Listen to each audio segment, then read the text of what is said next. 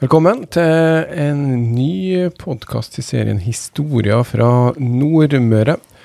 Og i dag så skal vi ha episode nummer 13, og da skal det handle om grip, og ikke minst eh, rutefarten, eller hvordan man rett og slett kom seg frem og tilbake på grip, eh, Sverre.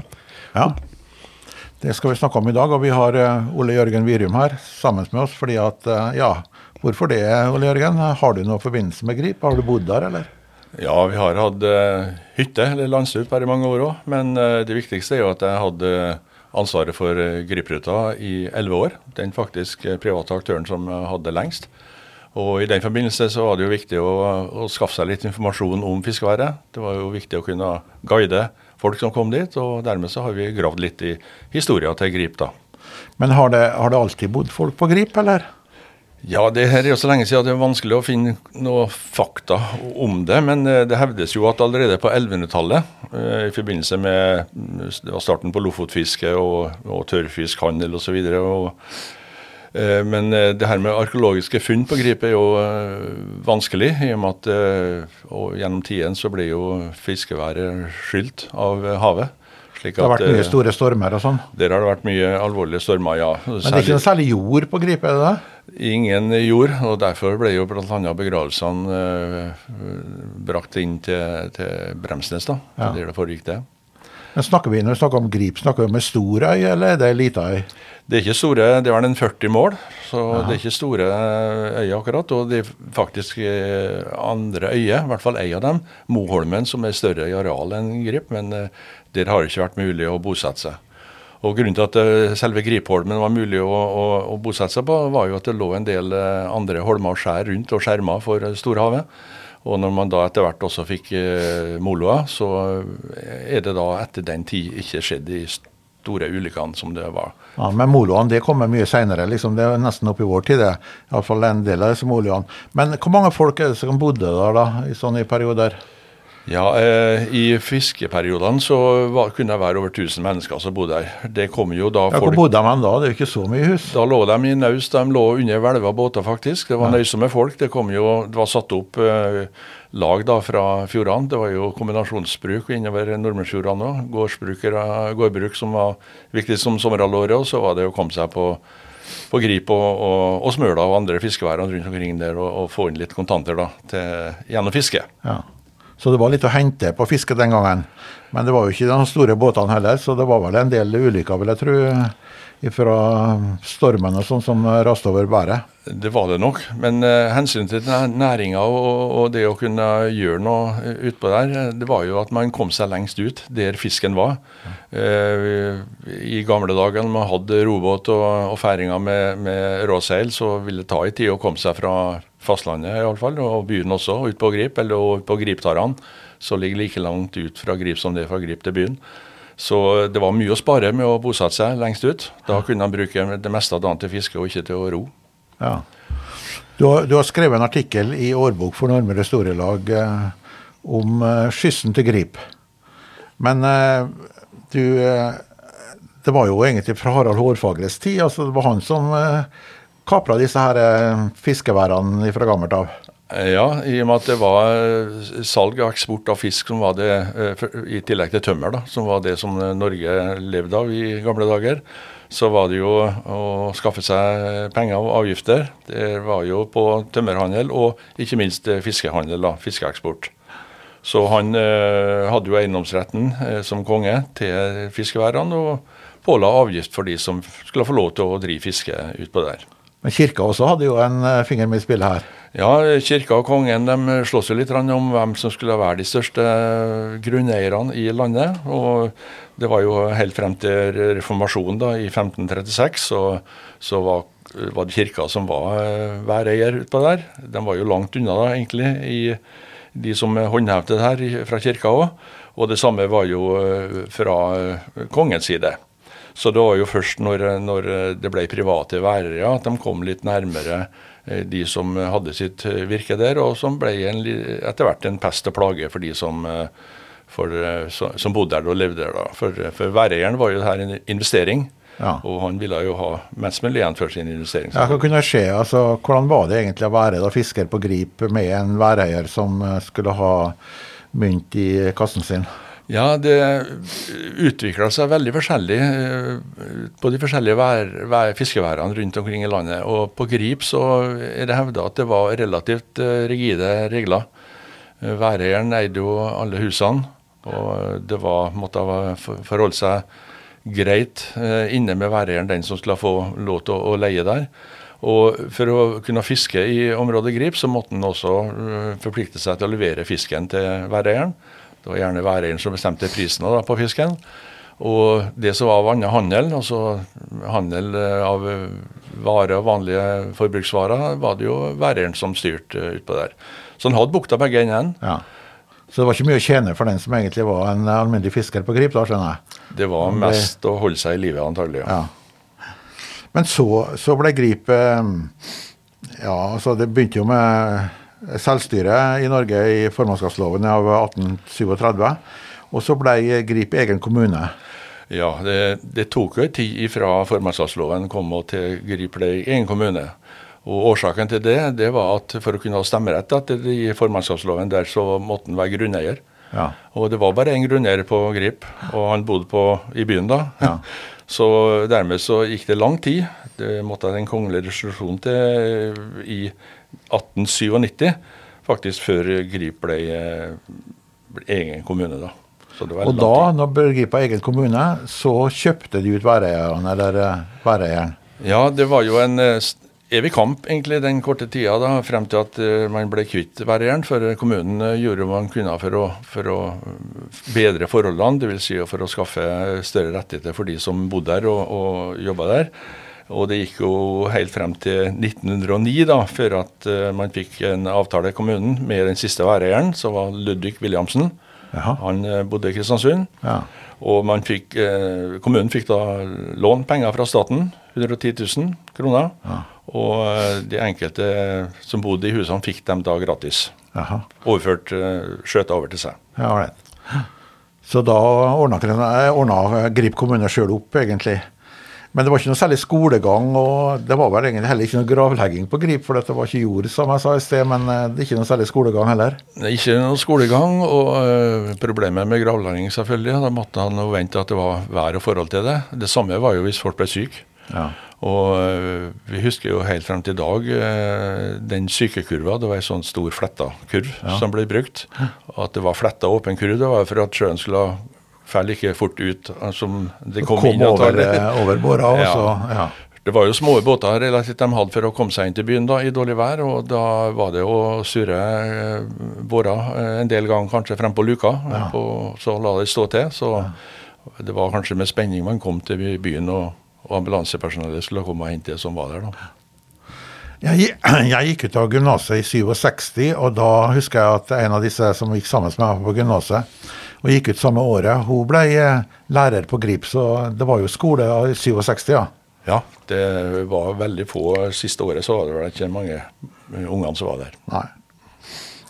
Men eh, du har fortalt litt også om storm og uvær på Grip. og eh, Det var en del stormer som jaga over, over gripværet. og Da var det kanskje lett at hus og sånt gikk i vei? Ja, og det viktigste huset på Grip, det var kirka. Og den hadde de da plassert eh, midt på øya, på det høyeste punktet, ca. ti meter opp. Når det er uvær i Nordsjøen, så er det jo bølgehøyde på godt over 20 meter. Ja. Så det var ganske råe krefter som, som kunne stoppa der. Jeg har alltid vært imponert over at liksom, folk bygde inn kirka på et vis på Grip. De bygde husene sine rundt kirka og på den måten tok vare på. Det var husene som ramla først på et vis. Ja, og det fortelles også at det var ikke bare folket som trakk inn i, i kirka for å være relativt trygg, men de dro også båtene sine, øh, ferringene, ja. Øh, så langt øh, mest mulig opp blant husene der for å sikre dem også mot kirka. For båtene, det var jo livsgrunnlaget. Hadde en ikke båt, så var det bare å pakke sammen. Og så for å unngå de verste stormene, så ble det bygd moloer etter hvert, som tok vare på, på gripsamfunnet. Eh, Svære moloer egentlig på grip, altså. Ja, det er store moloer, og de er jo solid, solid bygd. De første ble jo bygd av Huggenstein, og den ble faktisk henta helt fra Bud. Ja, Fra ja. steinhuggeri der. Og eh, i senere tid så er det jo eh, armert betong, da. Men likevel, sist vinter, altså ikke sist vinter, var det i påsketider i år, at det var eh, uvær nok til å påføre ganske omfattende skader på moloene. Så det er et eh, evig vedlikeholdsarbeid. Men den havna på Grip, har den alltid vært sånn? Altså, Du kom inn med båten din, og den var ganske stor. Eh, var det alltid lett å gjøre det, eller var det sånn i begynnelsen at man kunne gå inn til havna på Grip? Nei, det gikk jo Rutebåt eh, var jo også de større dampskipene, så eh, de ankra opp da utafor eh, havna, som er i dag, mellom Grønningen og Gripholmen. Og enten de lå der og andøva, for det var ikke lange stoppen ut på, på Grip. Nei. Men det var først i 1950 da at det ble sprengt ut den havna som er i dag, og, og laga til kai. Ja, så, Så- det, er ikke, det er ikke naturlig havn der, egentlig? altså. Nei, det, det er Yttervågen da, som er en eh, form for havn eh, ytterst. Og så er det Innervågen, som er der hvor man utvider og lager til den kaia og, og havna. Så i førstninga så var det jo å ro folk da fra eh, rutebåten og varer osv.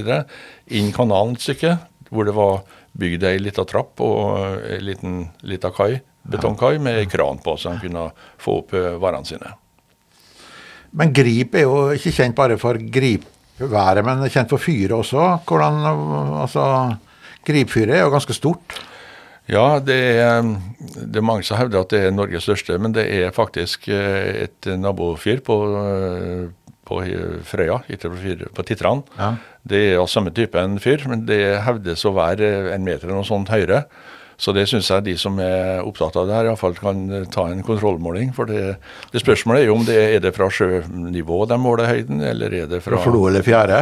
Florefjære, eller er det fra grunnmuren osv. Så, videre. så i og med at det er så eh, De er veldig like i eh, type og, og, og også høyde.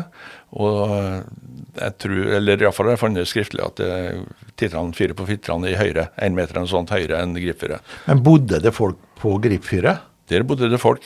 Og eh, hadde Altså, bodde i første etasjen da, på vis, eller? eh? I første etasjen kunne det være vått. Aha.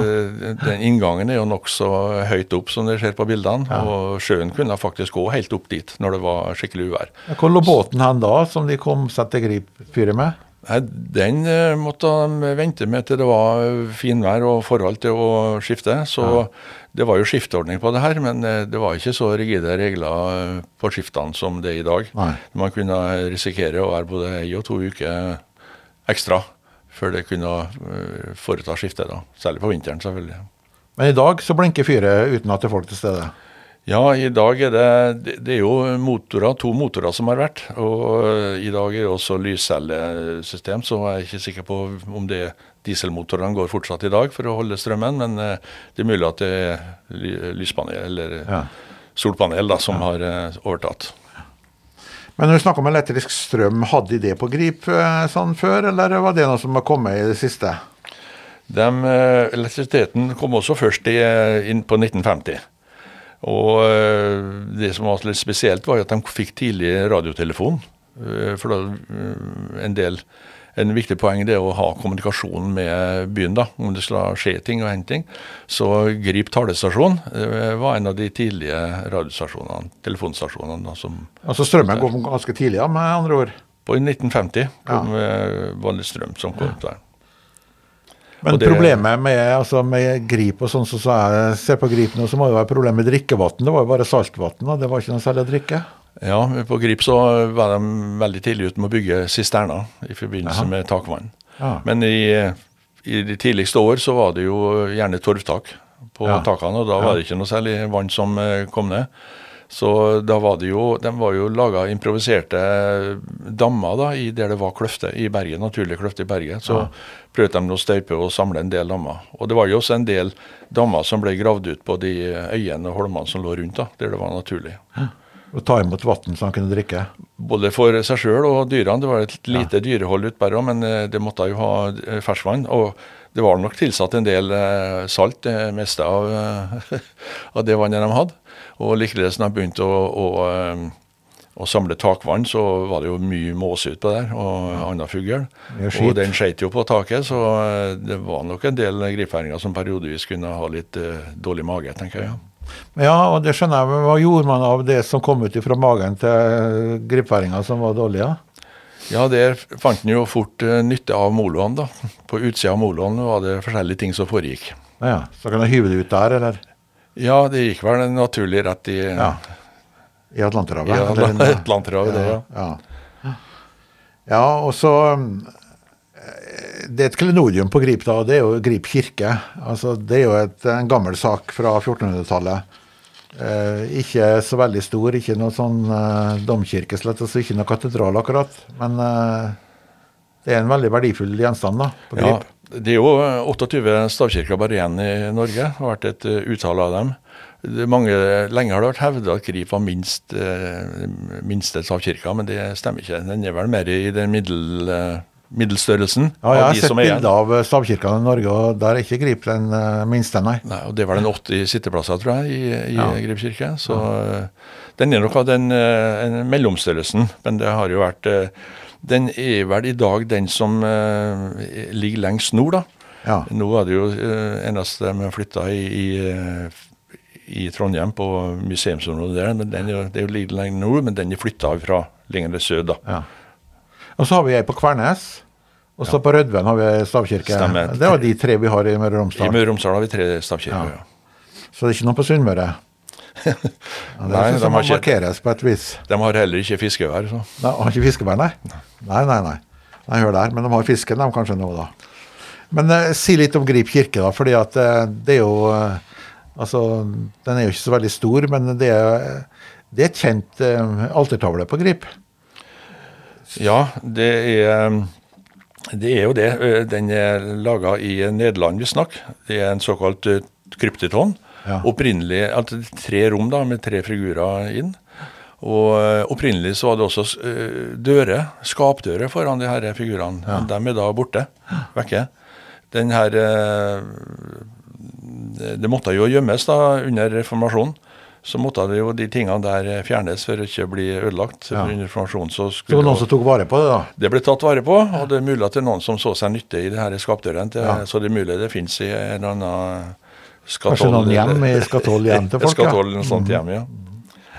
Jeg har alltid lurt på den her eh, Det er en tyrker som ligger der med en sånn, sånn tyrkerkledning på et vis, som ligger nederst på foten der på et av alterbildene. Ja, det går igjen flere plasser, det med tryntyrkeren. Tryntyrkeren? Ja, tryntyrkeren var begrepet, og det var Ja. De var redd tyrkerne på et vis, eller eh, muslimene, eller?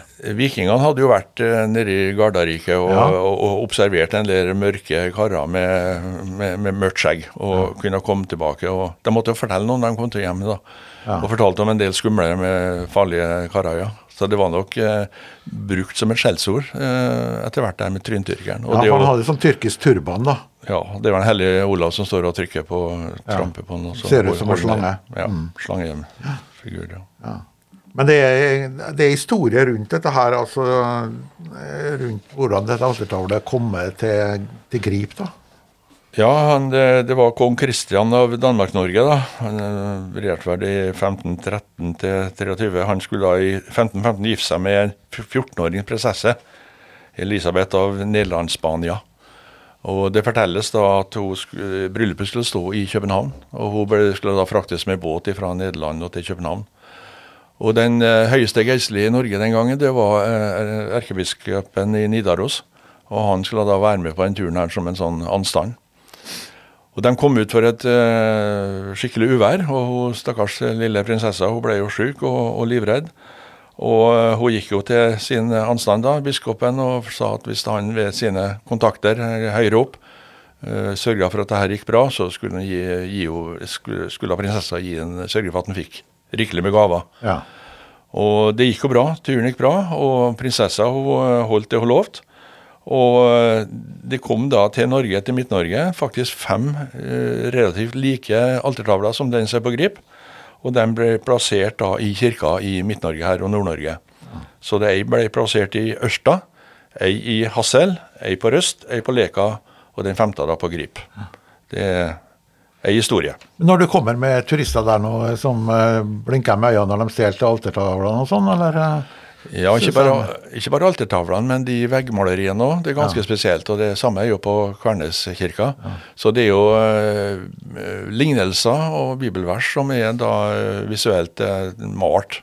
Under reformasjonen så var de sikkert malt over, da, så de har vel henta dem fram etter hvert nå? Ikke bare malt, det var panel, panelt var det, ja? og malt uh, hvitt. Slik ja. at de, de, tidlige bildene av kirka var både hvit uh, utvendig og malt hvit og panelt innvendig. Ja. Så det var jo et nitid arbeid. Det var på 30-tallet at de fant ut, begynte å sjekke under panelen, og da fant de at det var originale malerier da, fra, på tømmeret fra før det underst. Ja, og 30-tallet, da har de stått ganske lenge egentlig tildekt, da, for at, uh, ja. det er ikke så lenge siden det. Det var så lenge at det var blitt glemt, da. Og, ja. Eh, det var en del, det var en del altså Du sa det at det var en del dyr på Grip. og det, Væreieren hadde jo noen kyr og noe sånt, og det har vært kanskje noen sauer der som har gått. og Det var noen sauer på andre øyer rundt Grip der som uh, gripværingene eide. Ja. Det er jo faktisk i dag noe sau her. Og så små inngripene, det er jo, og langt ute i havet så var det jo korte vintre, egentlig. Ja. Det var lite snø på her. slik at uh, dyreholdet var jo kanskje også nødvendig. Den var jo ikke så lett å komme seg til, til byen. Slik at uh, høner og, og, kaniner uh, og gris og sauer og noen kyr for å få melk. De gikk ganske fritt på grip, da? I, i Kyrne forsto jeg var på holmene eh, rundt om. Det er jo ja. relativt store holmer. Men ja. eh, det fortelles iallfall om at de hadde grisehold, og det kunne avstedkomme en del bråk da med ja, gris som eh, Sprada rundt omkring, ja. Ja, og revne klesheng osv. Ja. Det, var, det er historie om det, da. Blant annet. Men når du kjører utover til Grip, så ligger det på høyresida når du kjører ut med sånn turistbåt, ei eh, lita hytte på et eller annet holmene der nå. Ja, det er, er, det for dyr, eller er det for det I dag er jeg mest for kaniner, ja. Men de har restaurert den òg. Det var ei nødby som ble bygd. Aha. Eh, det var jo det var ikke midt mellom Kristiansund og, og, og Grip, da, men iallfall var det slik at de som eh, hadde æren i Kristiansund, eller æren fra Kristiansund til Grip, og det ble overraska av dårlig vær, så skulle man ha en mulighet til å kunne komme seg i land på inngripene, og da søke ly da i, eh, i den hytta. Og Der var også en radiostasjon forstod jeg etter hvert som man kunne si fra hvor man var. Så hvis han eh, får skipsforlis, så kan man komme seg inn i den bua med andre og berge seg på et vis? Ja, det var det som var hensikten med og Den er jo bygd i betong, slik at den vil jo stå, ja. stå lenge, tenker jeg. Ja. De har nok eh, tatt seg litt av henne nå, en del gripværinger, slik at hun kan mer brukes som ei lita hytte da, når ja. først er på godværsdager. Men så ble Grip eh, ikke lenger egen kommune, sånn som det var fra tidlig morgen, skal jeg si, men eh, det ble innlemma i Kristiansund, og kristiansunderne var ikke så glad for å få Grip som som et, eh, et nytt oppdrag? Nei, det var vel ikke det den gangen, så vidt jeg forstår. Men eh, det var ingen vei tilbake. Og Grip hadde jo behov for det, det her med å drive skole og, og drive en del eh, samfunnskritiske eh, oppgaver og ansvaret for det. Det var ikke bare for en liten kommune. Så i, i 1.1.1964 var det at Grip ble innlemma i Kristiansund kommune. da. Og etter den tida så, så tappa man befolkninga på Grip, og det ble mindre og mindre folk der? Det gikk jo veldig fort, også før den tid, for. Eh, de ryktene gikk jo. Og de, alle hadde jo en viss forståelse for at det her kom til å gå en vei. Ja. Og eh, det siste fastboende de dro vel da inn til byen i 1974, så vidt jeg vet. Ja. Og så den tida der, altså jeg innbiller meg liksom at da var ikke husene på Grip så veldig dyre? Nei, eh, kona mi sammen med fire venninner de kjøpte eh, et stort nøst for 400 eh, kroner. 100 kroner hver. Ja, det var ganske billig, ja. Og, og de var også rundt på omvisning. Det var i 1967-68, eh, og de gikk rundt på, ble vist rundt av, av de som var der, som skjønte at det her var noen som kunne være interessert i å kjøpe noen ting. Og de største husene gikk jo for en 1500 til 3000 kroner stykket. Og flere var jo fullt møblert. Så det var, det var ingen interesse for å ta vare på det. Liten interesse iallfall. For den generasjonen da, de hadde jo fått eh, økonomisk tilskudd for å skaffe seg bolig i Kristiansund. Ja. Og de så seg ikke tilbake eh, den gangen i hvert fall. Men i ettertid viste det seg at eh, etterkommerne, og dem sjøl også, ja, kom jo ganske raskt tilbake likevel og tok i bruk Rip igjen som, som fritids Jeg må bare komme med en lite innspill, eh, fordi det var jo en vedtatt politikk eh, at man ikke skulle ha alle de mm, fiskeværene. og Blant annet Bjørnsund ble jo beslutta fraflytta, og man fikk tilskudd. Hadde man de samme politiske kreftene som virka her også? Det var nok det, og, og, det som var litt fortvilt, var jo at de eh, lovverket som var konstruert i, eller snekra sammen i Oslo, da, det påla jo de nye kommunene bl.a. om å ha jordbruksnemnd. De skulle ha skogsnemnd osv. Altså nemnder og utvalg som overhodet ikke hadde noe hensikt på grip. Men eh, når byråkratene hadde sagt sitt, så var det jo bare å, gjøre det. For ja. på Grip måtte de drive litt annerledes. For de fleste som var i, i, i styre og stell på Grip, de var jo også fiskere. Ja. Så de var jo borte i lange tider på sjøen. Så de måtte jo praktisere det her som praktisk mest mulig.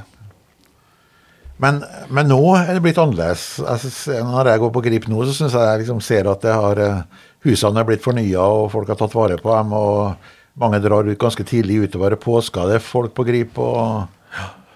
Ja, det er ikke bare påska og sommeren, men det er også helger hvor det er fint vær ellers om vinteren. Så er det mange av de eh, etterkommerne som eh, har egen båt, og som drar utover. og både fiske og, og har rolige helger utpå her. Så det er blitt veldig populært, og ikke tvil om at gripværingene, etterkommerne, har vært utrolig dyktige til å ta vare på, på husene og byggene der. Og så det nå er det blitt et feriested på et vis? Feriested, og det er jo sånn som det likte, så krever det jo litt ekstra vedlikehold òg. Så det er krevende egentlig å ha ting å holde, ta vare på, da. Men det er de stort sett blitt veldig flinke til. Kjempeinteressant. Det er interessant med grip. Vi eh... tar en liten pause, og så er vi ganske så snart uh, tilbake igjen. Og da skal vi få høre om uh, lokalrutefarten. Du hører da på podkasten uh, og programmet om historier fra Nordmøre. Og vi eh, snakker om grip i dag, og også spesielt eh, ser litt nærmere på transporten til og fra Grip, og når den kom i gang. da. Vi har med oss som vanlig Sverre Jansen, da, og han uh, har fått med Ole Jørgen Virum uh, til å fortelle litt uh, om Nå har vi snakka om Grip, og nå kanskje vi skal snakke mer om transporten til og fra Grip. da. Ja, Ole Jørgen, Du har skrevet en artikkel i årboka for Normer Historielag for 2021. Og en artikkel om transporten til Grip.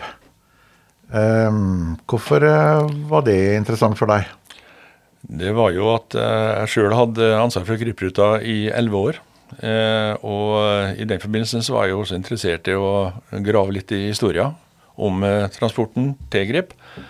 Og jeg fant jo fort ut at det var først eh, når det kom dampskips i, i fart, at man kunne opprette rute. I seilskutetida så var det ikke mulig å, å ha noen regulære ruter.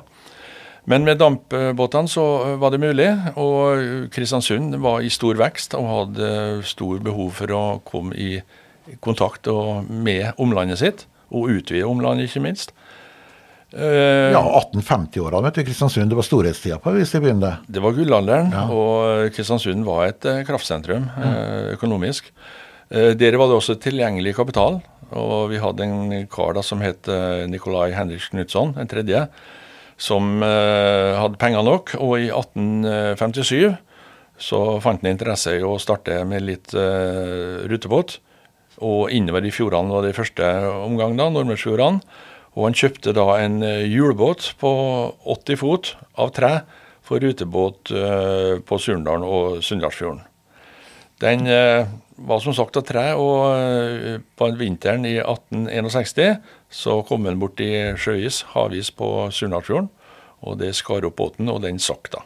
Jeg ser for meg liksom julebåt som noe som går på Mjøsa og den er jo opplag på vinteren, så den går jo ikke der i isen. Nei. Men uh, man forsøkte Knutson her i, uh, på Nordmøre altså, å gå innover fjordene med, med, en hjulbåt. Ja, det er interessant. Ja. Den spede begynnelse var det her. og Det var jo en relativt liten båt, og den var lite egnet til uh, å befrakte folk òg. Så det var jo mest varer og slike ting. Men folk var jo nøysomme den gangen, som de ble nok med. Ja. Det var jo den greieste måten å bevege seg rundt på Nordmøre, iallfall inn og ut av fjordene. Så var det jo det på sjøen. Og I årene etterpå så kom det flere dampruter i, eh, i drift på Nordmørsfjordene. Surnadalen og Sunndalsfjorden, og også Vinjefjorden, for det var jo veien videre til Trondheim, kom i gang. Og i eh, 1883 så hadde vi en kjøpmann som het Arne Arnesen. og Kjent Kristiansundsnavn, egentlig. Ja. Gått igjen i mange generasjoner. Ja, det. Ja. Og Han satte seg i spissen for å etablere et selskap for å betjene fiskeværene mellom eh, Smøla og Bud. De hadde Flere av handelsmennene i Kristiansund hadde interesser på de her eh, fiskeværene. Det var der businessen foregikk. Og med økonomisk bistand da fra eh, Nikolai Knutson så ble det innkjøpt eh, fra Sverige et eh, ganske flott eh, dampskip. Relativt nytt, 100 fot, og kunne ta 230 passasjerer. Det var jo ganske mye. Det var en ganske stor sak. Ja. Nå fikk de utrolig mye passasjerer i en, i en lita, relativt liten båt i gamle dager. Ja, ja. Mm -hmm. Det var ikke samme kravene. Nei. Men som takk da, så eh, døpte de eh, grupperinga her båten for eh, dampskipet Nikolai Henrich Knutson. Ja. Så det var en liten gest til han, da. Det her selskapet det ble videreført i et nytt selskap som de kalte Møre Skjærgårds Damskipsselskap, som ble skifta i 1887. Og det, I navnet så ligger det jo litt om hensikten med selskapet. Det var å betjene fiskeværene. Og ikke bare på Nordmøre, men nå begynte de også å se både nordover og sydover. Og Med utgangspunkt i Kristiansund da, så ble ruta sydover den ble utvida til fiskeværene på Romsdalskysten, og faktisk helt inn til Åndalsnes. Og eh, i og med at det var flere velstående i Kristiansund som hadde landsted på Moldestranda, så eh, ble det lagt opp slik at den rutebåten den eh, anløp Molde både på lørdagene og søndagene. For å bringe folk dit og hente dem tilbake. Komme seg hjem eh, når helga var over. Ja. Og eh, en av de siste dampbåtene som gikk den ruta, det var Solskjell. Dampskipet Solskjell. Ja. Så han gikk den ruta med Åndalsnes og iallfall inn til Molde, da, skjønner jeg. Ja. Ja, og henta folk. Ja, gikk den veien. Og nordover da, så, eh, så hadde de også store interesser økonomisk på fiskeværene. Det var jo mange fiskevær rundt Smøla, men også videre. Hitra og Frøya. Ja. Og eh, et av de store fiskeværene på Frøya, eh, det var Sula, fiskeværet Sula, og det var eid av eh, Arne Arnesen. Ja. Så han var væreier på fiskeværet Sula i en periode. Vi har noe som kalles Arnesen-brygga i Kristiansund. Er det noe med han han fyren her å gjøre, tror du? Ja, vi har Arnesen fargehandel, Ja, fra, som jeg husker i hvert fall. Ja, ja, det har vi jo da. Ja da, det, og navnet Men det er kanskje noe i slekt der, ja. Mulig det. Det må vi få andre til å granske, granske litt i. Det er kanskje Ja. noen som har gjort òg. Og den, eh, De måtte ha en egen båt da, for å kjøre denne eh, ruta nordover. og Da ble det et tredamskip det faktisk, som de kalte Smølen. Dampskipet Smølen, som tok seg av ruta fra Kristiansund og helt opp til, til Frøya. Sula. ja. Ja. Så det er litt av en, og da, Det forteller jo litt om eh, omlandet for Kristiansund. Det var den gangen. Det var ganske så enormt. Men så var det mye eksport òg, fra Kristiansund og utover. Ut til fremmede land også. Ja. Så når vi snakker om Kristiansund da med storhetstida, så var det jo klippfisken og, og fiskeforedling som Ja. gjorde det store. Ja da. Når det, når det gjelder eh, omlandet, da, så har vi snakka om det omlandet som var i litt eh, distanse fra byen, sånn, i hvert fall sånn som vi ser det i dag. Så det var jo da de som bodde nærmere, altså Averøyinga og griperinger, og de som bodde på Eide faktisk òg, nordmørskommunene der. Så det som, skipsfarten med Arnesen og sånn, det var ikke tilstrekkelig for dem. Nei, det ble et uh, lite hull det her med å skaffe transport for de som bodde i det nærme nærområdet. Ja. Ja. Slik at uh, i, i 1894 var det at uh, det ble tatt initiativ fra brukere, interessenter da, på, som bodde på Averøya og på Grip. Så De ønska å, å opprette et eget selskap som de kalte for Kvernes og Grip Dampskipsselskap. Og det opererte faktisk Gripruta i 25 år. Sier det, ja. Eh, Ja, Hadde de skikkelige båter, eller? de satsa på skikkelige eh, båter, iallfall. I eh, året etter at de ble etablert, og så eh, fikk de bygd dampskipet Kvernes. Det første Kvernesen som vi Ja. kanskje har hørt om. Den ble bygd på Akers Mekaniske Verksted i Oslo. Den var 70 fot og kunne ta 80 passasjerer. Og den gikk da i ti år i den uh, ruta som det her selskapet uh, oppretta og betjente. Uh, den ble solgt etter ti år og fikk navnet Grei. Og for å ta det med samme, så er jo den eh, da såkalte Kvernes, som det er i eh, 89 ble innkjøpt i Kristiansund og av en stiftelse for å restaurere eh, Grei, som da opprinnelig var den første Kvernes.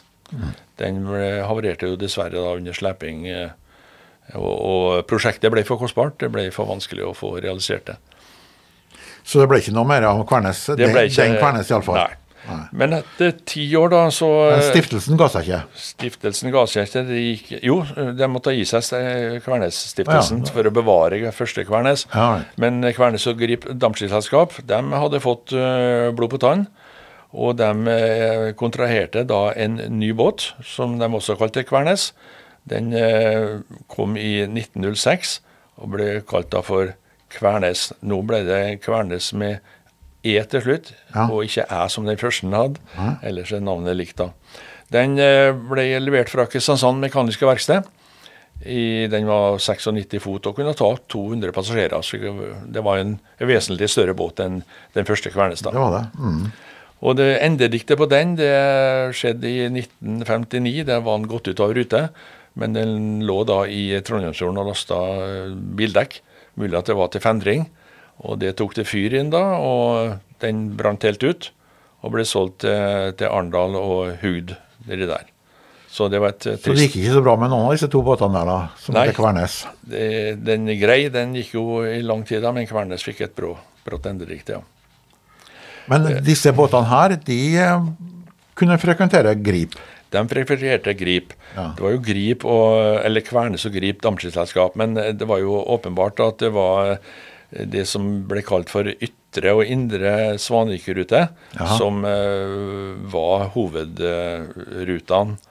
Eh, I rutetabellen da, så viser det at indre Kva- Svanvikrute den starta på Eide. Svanvika på Eide, det var det som var utgangspunktet for begge rutene, indre og ytre. Og den da starta klokka sju om morgenen og eh, hadde tolv stopp før den kom til Kristiansund. Den gikk den fra Kristiansund igjen klokka 17 om ettermiddagen, slik at de hadde en god del timer I byen. i byen, de som hadde æren der. Ja, det var mye sånne båter i altså, gamle dager. Det var jo mye som kom på en lørdag til. Kristiansund for å De gjorde, gjorde det, og ja. de hadde med seg melkspann og alt mulig rart. Ja. Krøtter til slakting. Og, og avgangen fra ytre til ytre den starta enda tidligere, for de hadde 15 stopp på veien, de som gikk på ytre Averøy. Ja. Og den kom til Kristiansund da på først i halv tolv-tida, og hadde avgang igjen da i motsatt vei klokka 16. De måtte ha ganske god tid, de som reiser med sånne båter, for det gikk ikke så fort. Nei, men han fikk jo sett mye av nordmennene. Ja, fikk han. Det, det gjorde han. Ja.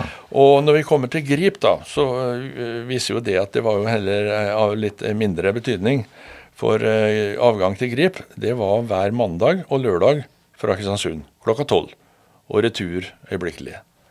Ja, øyeblikkelig. Så der var det egentlig det bare å ha av eh, lasten da, og Ja. personer. Ja, ja. ingen, ingen ventetid. Nei. Det var bare en lå og andøvde da, på, på svaet der, mens det robotene kom og henta varer opp og folk. da.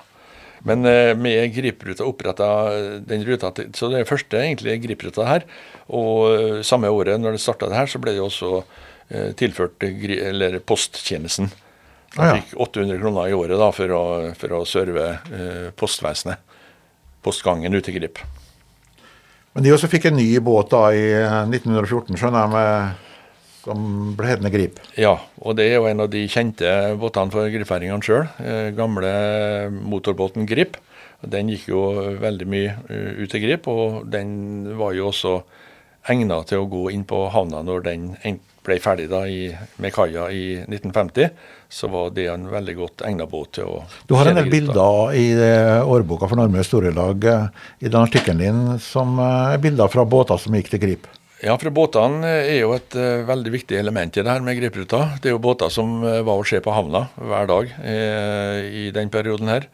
Og mange har et forhold til de her båtene. Eh, Det er vanskelig å få frem båtene i et sånt program som det her, da, men man bør kjøpe boka. Ja. Og det er ikke bare bilder av båtene vi har fått frem, eh, iallfall de fleste båtene, men det er også litt av historien deres. Litt tekniske opplysninger om dem, og eh, hvor de har havna hen til slutt. Ja. Men så begynte mm, fylket inn i bildet med fylkesbåter i Gripruta fra 1920. Ja, eh, frem mot eh, første verdenskrig så det, var det veldig populært det her med griperutevirksomhet, eller ikke griperutevirksomhet, men dampskipsruta da, rundt i hele fylket. Og eh, det var slik at eh, det var det gjerne de mest lønnsomme rutene som eh, ble betjent, og det var konkurranse om.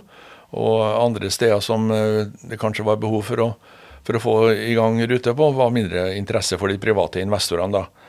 Så her eh, så kom vi inn i første verdenskrig, og da begynte det å bli kostbart å drive det her rutene for eh, investorene. For det var kullpriser, oljepriser skjøt i været. Og en del av de eksisterende dampbåtene ble solgt, gikk ut av fylket. Og eh, da var det at man i Romsdals amt, som det den gangen het, fylket, Romsdals amt i 1917, da satte de ned en dampskipskomité som skulle utrede bedre samordning av de her eh, rutetilbudene som var rundt i hele fylket. Og det gikk tre år, da, med drøftinger og, og, og snakking før man ble enig om at uh, da var det blitt Møre fylke og Møre fylkes ruteselskap, MFR. Det ble stifta 1.6.1920.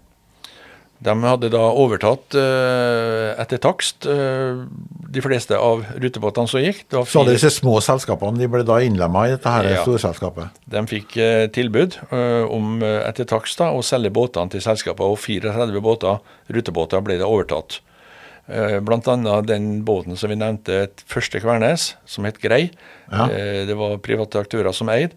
De godtok ikke taksten, så de eh, var et selskap som drev parallelt da med MFR etterpå. Ja. En tid. Før båten forsvant? Ja, og MRF, MRF, kjøpte jo den båten til slutt, da, etter en viss tid. Men så fikk vi i 1949 da, et selskap med navnet Møre og Romsdal Fylkesbåter, som vi kjenner. Ja, det var jo MFR, så er lett å snuble i bokstavene her. Ja. Altså Møre fylkes rute, rutebåter. Ruteselskap, ja. ja. Det ble da endra til Møre og Romsdal Fylkesbåter når uh, fylket endra navn. Ja, Like etter krigen, det for så vidt. Altså 49, ja, da. 49 da. Så da kom det helårsrute til Kristiansund, fra Kristiansund til Grip. da. Det ble liksom litt uh, skikk i sakene? Da ble det skikk. Det var relativt de samme rutene som da ble, eh, ble holdt ved like av det nye selskapet òg. Og av, vi har funnet frem de gamle rutetabellene for å ha sett litt hvordan det var den gangen. Som jeg nevnte i begynnelsen, fra 1920 til 22 så var det kun mandag og lørdag klokka 11 at eh, båten gikk til Grip. Ja. Så det var jo relativt uh, smalt. Men det gikk jo da hele, hele, det var helårsbåt, slik at den gikk jo både sommer og vinter. Men fra 1923 til Så i mellomtida så gikk den på andre ruter da på Nordmøre? eller ja, rundt omkring her? gikk i andre ruter, ja. så de var jo uh, disponert hele tida. Ja. I, fra 1923 til 1966 så ble det øka til tre avganger daglig retur straks. Ja. Og eh, i 1967 til 69 så hadde MRF begynt å eh, få følelsen av at eh, nå var det populært for turister i, i, å reise til Grip, og trafikken om sommeren hadde økt. Så da økte de til fire daglige avganger i sommeråret. Det er ganske mye? Ganske, ja, ganske mye, men det var heller ikke noe opphold da. Det var bare uh, tur ut og tilbake igjen. Ja, Men kunne være med neste båt da, tilbake igjen? Ja, det var det bare én båt, det var bare én båt per dag da. så Det var ikke så... Det var bare én båt per da, dag, ja. Da måtte ja. ha overnatting. Ja, ja, ja. Men så kom det i 1970 til 72, altså bare to år. Da prøvde jo faktisk MRF å, å komme, eh, komme i, i, i kontakt med markedet sitt. Og da var det slik at på mandag, onsdag og fredag klokka 11 eh, så var det eh, retur straks. Og i tiden 1.6. til 15.8. så var det da i tillegg de øvrige dagene, med unntatt av søndag. Så da lå de på Grip en stund? Og da ble den liggende én time på Grip. Ja. Det var først at de hadde én time opphold på Grip for at passasjerene skulle se seg ikring. Hvilke båter ble brukt da? Det var de båtene som vi har eh, Det var jo Gripen, bl.a. Ja. Det var også, kunne være de dampbåtene, Kvernes eh, og det her. Og det var eh, de båtene som vi Ja, så sånn Tresfjord og Vigra ja. 2 Oppstad og Nordsjol og sånn. Alle de, de, her båtene ja. som de disponerte, som ja. de finner i, i, boka. da. Men det var i den tida der, altså før den kanskje den siste, eh, siste årstallene som du nevner, at i 1950 så fikk man Altså Kaia ble ferdig på Grip, så man må kunne legge til med ja, disse relativt ja, store båtene. Ja, da var det mulig å komme inn både med varer og, og, og passasjerer da, på en grei måte. Men eh, det gikk jo ikke så godt med MRF med disse båtene sine. De, eh, det var ikke noe sånn overskuddsfenomen her? Nei, det var ikke det. I, samtidig med flatflyttinga så ble jo selvfølgelig mindre behov for det denne eh, transporten òg. Og dessuten var jo de fleste grip båtbæringene hadde jo egne båter. Og Ja. fiskeskøytene skulle inn og både levere fisk og bunkre, så det var, de var nok vant til å være med og bruke sine egne fartøy. Men så kom det et annet, en, annen, eh, en annen part inn i bildet her, nemlig turistforeninga fra byen og sånn. Ja, det var etter hvert som turismen eh, på et, Sent på 60-tallet så begynte var en markant økning på eh, interessen for å reise til Grip for turister. Og det så Reiselivsforeninga og Turistforeninga i Kristiansund, og de eh, var flinke til å utnytte det her. Eh, egentlig syns jeg var litt merkelig at de kunne gå så aktivt ut, for de satte jo opp eh, parallelle ruter om sommeren. De var konkurrent til MRF. da. Konkurrent til MRF. De benevnte det som en turistrute. Ja. Og det er jo i strid med de konsesjonsbetingelsene som er, ligger i dag, i alle fall i lovverket. Men det er mulig at det, det var annerledes den gangen. Og det er mulig også at det var en avtale mellom eh, Turistforeninga og MRF da, om for å kunne drive det her. For jeg, så, jeg har ikke sett noe negative omtaler fra MRF. Du nevner en båt der som gikk, som jeg kjenner igjen fra, fra min barndomstid, nemlig Årsundfjord. Årsundfjord var, var en av de som reiselivet benytta seg av til private turer. Det var både hotellene og, og andre som benytta seg og satte opp ruta på det her. da. Det var ikke stor båt, så det var ikke så mange som gikk på den båten. Men det var kanskje ikke den store trafikken heller? Jo, det var, det var full båt, fulle båter. De, Ja, ja. Og de hadde jo flere avganger enn det som MRF eh, hadde da. Men så eh, eh, Så kom det jo eh, en del båter etter hvert som eh, tok trafikken til Grip eh, på mer sånn privat eh, basis. Eh, Er det noen båt, av disse båtene, Du har nevnt eh, mange av dem i årboka, eh, men er det noen du vil eh, dra fram nå? Ja, det var jo kanskje spesielt den som heter Bjørnvåg, da, som kom tidlig inn. Eh, for den var jo en båt som ble ledig, som gikk på grip, nei, på, på Smøla, mener jeg, mellom eh, Hopen og Veiholmen. Og når veiforbindelsen der var ferdig i 1977, så lå den ledig. For, eh, og det var, hadde vært store problemer for eh, reiselivsforeningene i Kristiansund å skaffe båt til, til Gripruta. Bjørnvåg var eh, en aktuell båt, egentlig, og Det var en aktuell tok båt en del folk. tok en del folk og var godt egnet egentlig til Gripruta. Men det viste seg imidlertid at det var en del eh, problemer. Båten var jo litt dårlig utstyrt med eh, det som skulle ha til for den farten ut til Grip. Og også ble det en del pålegg fra eh, skipskontrollen som gjorde at det ble store uforutsette kostnader. Og kommunen stilte jo villig opp og, og, og la i en del, og bankene i byen var også. Og eh, Man prøvde jo å få kommunen til å kjøpe denne Bjørnvåg, det ville de ikke. og Da ble det etablert et eget selskap, Gripruta AS, hvor eh, næringsdrivende i Kristiansund og privatfolk kjøpte aksjer. Og etablerte det eh, selskapet, som da eh, sto for eh, kjøpte eh, Bjørnvåg fra Smøla kommune, og sto for eh, drifta av Så der engasjerte grasrota seg på et vis for å få det til. Det gjorde de. Og det som er litt, de, de fikk jo store problemer med, med Bjørnvåg. Det var både En ting var skipskontrollen sine pålegg, men det var også motorhavari osv. Og, så og da eh, ble det engasjert folk seg igjen. De oppretta eh, velforening for, for eh, Bjørnvåg. De foretok eh, innsamle, pengeinnsamlinger gjennom avisene.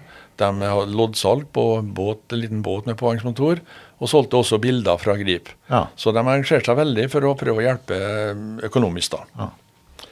Og det gikk jo ei viss tid da før kommunen kasta kortene, og da hadde kommunen eh, brukt atskillige eh, midler for, For- å prøve å holde det i Det var ikke så lukrativt for kommunen heller, dette her da. Det var ikke på langt nær lukrativt. og, og veldig uforutsett da hva som dukka opp av kostnader og utgifter. Men en del år så gikk jo Sterkis fra Sterkodder eh, gikk jo fra 84 til 91 i denne trafikken. Det var den eh, som eh, overtok etter, etter Bjørnvåg. Og de fikk en avtale, da, kommunen, på timesbasis. Og etter hvert så ble det også en, en avgift per år for å leie den. Den Var det den båten som Sterkodde brukte for å frakte folkene sine? Ja. Folkene over til Averøya bl.a. til verkstedet der. Så den eh, var i bruk eh, i eh, åtte år, faktisk, i Gripruta. Det er jo lenge av de båtene som har vært siden 72. Ja, den Bjørnvåg som jeg nevnte først, den var jo i seks år, da, men det var med, med hum- humpete. De brukte jo også en reservebåt der, i og med at Berdal måtte ha inn ett år, og faktisk ett og et halvt år da, for å, for å dekke ruta. Men du drev jo også en båt. Hvilken var det? Det var to båter jeg drev. Altså, jeg fikk jo, uh, fikk jo avtale med, med Kristiansund Reiselivslag AS, som det het den gangen, om å, en femårsavtale. Og jeg kjøpte da den første Gripsjusen, Gripsjus 1 som vi kan kalle det. da. Og den tok Det var en hurtigbåt. Og hadde rutefart på en 20 knop og vel så det. Og den tok 68 passasjerer. Så det var en effektiv båt. Det var altså stor båt og med god fart? Ja. Så den eh, tok uh, unna da. Men det var jo tidligere det kom de første hurtigbåtene, uh, som du sier ja, første hurtigbåtene kom fra, fra Misund. Altså det er et uh, hurtigbåtfirma, Hurtigbåtene ANS i Misund på Romsdalskysten, som drev med en del hurtigbåtvirksomhet. Og de eh, var de første som stilte opp med hurtigbåter til Grip, da, uh, som, og leide dem ut dit. Hvor lang tid brukte man over da? Nei, Det er en halvtimes tid da, som kunne brukt med det. Og når jeg fikk den neste femårsavtalen, da, så fikk jeg også solgt den første båten, og kjøpt en eh, enda større båt fra fylkesbåtene i Sogn og Fjordane. Og det var jo en, eh, det var jo en av de optimale båtene som eh, var å få i Norge, faktisk, på den tida. Det kunne ta 98 passasjerer og hadde en hastighet på over 30 knop. Og da hadde, var det faktisk slik fart at vi kunne, etter å ha kjørt ut første eh, gruppe på Grip og satt av passasjerene. Så kunne vi kaste loss og kjøre til byen og hente en ny og var tilbake på Grip igjen for å ta returen da med de som var bringt første gang. Ja. Så vi kunne bringe atskillig 100 mennesker enkle dager ut på Grip.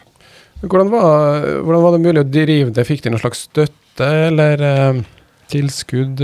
betalte man for det? Nei, det er, var veldig forskjellig hvordan uh, kommunen har uh, operert med det her. da. Eh, det er jo en god del, både i begynnelsen og på slutten, så er jo de forskjellige operatørene som har drevet med eget, for eget ansvar.